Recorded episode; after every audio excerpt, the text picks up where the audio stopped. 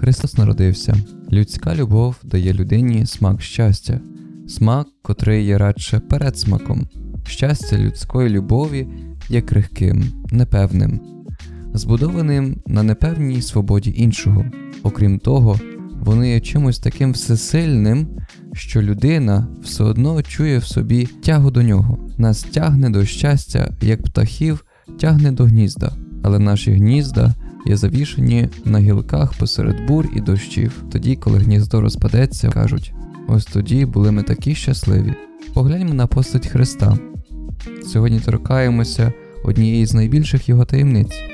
З певністю, Христос знав усі протиріччя, які любов вкладає в людину. Те, що залишаючись у святині по справах Отця, любов пробуджує болісний неспокій батьків, те, що оздоровлюючи десятьох прокажених, не оздоровив десятьох тисяч інших, і те, що правда, котру несе людське слово, не сягає далі, аніж людський голос. Людська любов, піддана обмеженням часу і простору, хотіла би бути завжди і всюди, але може бути тільки тут і зараз. Любов Христа до людей була любов'ю людською, конкретно скерованою. Однак поміж нашою любов'ю і його любов'ю вимальовується якась глибока різниця, насамперед та, що його любов взагалі не була для нього предметом надії, але була в ньому фактом. Було навіть навпаки, ціла його надія випливала з його найглибшої любові. Він спасав людей, тому що їх полюбив. Він оживляв у них надію в міру того, як їх полюбив. Тому його любов не була сліпою. Скеровуючи свою надію, він завжди знав, що потрібно дати, а в чому відмовити. Він знав усе і призначення горобця, і призначення Петра. Наша любов розкривається по мірі надії, яку в собі плекаємо. Його ж любов розкривала надію в міру самої себе. Іншою різницею є те, що його любов була для нього актуальним щастям. Він не потребував прямувати до щастя, він мав його в собі. Христос не був ніколи людиною нещасливою, ані через біль, ані через недобру любов.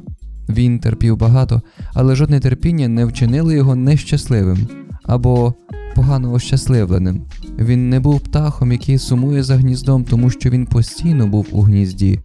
Він говорив Я і Отець, ми одно. Ніхто не відчував себе так впевнено на світі, як він, а все ж нікого іншого так на цьому світі не скривджено, як його.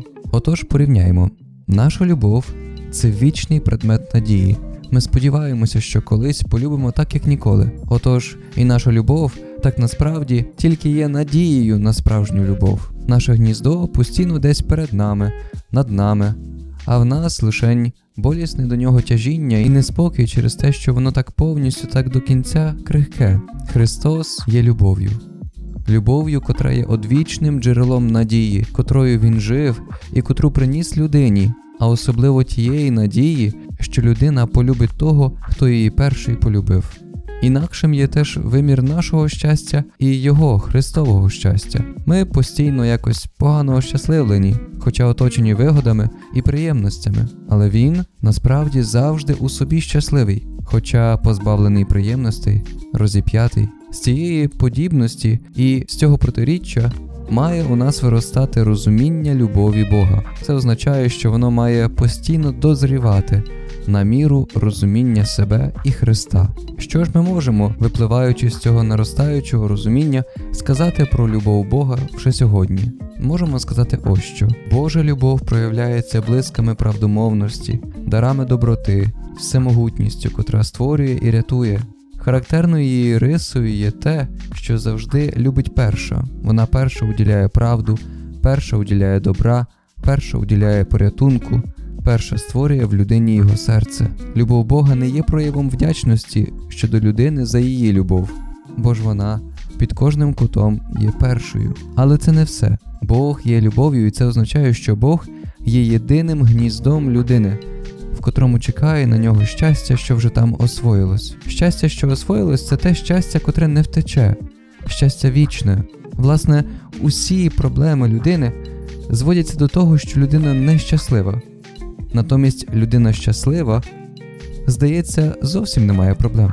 І в тому сенсі їх немає, що жодна проблема не є для неї трагічною, тою, що провадить до розпачу. Щаслива людина може опиратись найбільшим супротивникам. Вона здатна на мужність, героїзм і навіть на смерть. Справжнє щастя є Божою силою, що діє в людині. Таке щастя не засне, навпаки, воно пробуджує чуйність. Бог є любов'ю, а це означає, що Він є тим, хто таке щастя дає людині. Звідси, власне, і є відоме речення святого Августина для себе створив ти нас, о Боже, і неспокійне наше серце, допоки не спочине в тобі.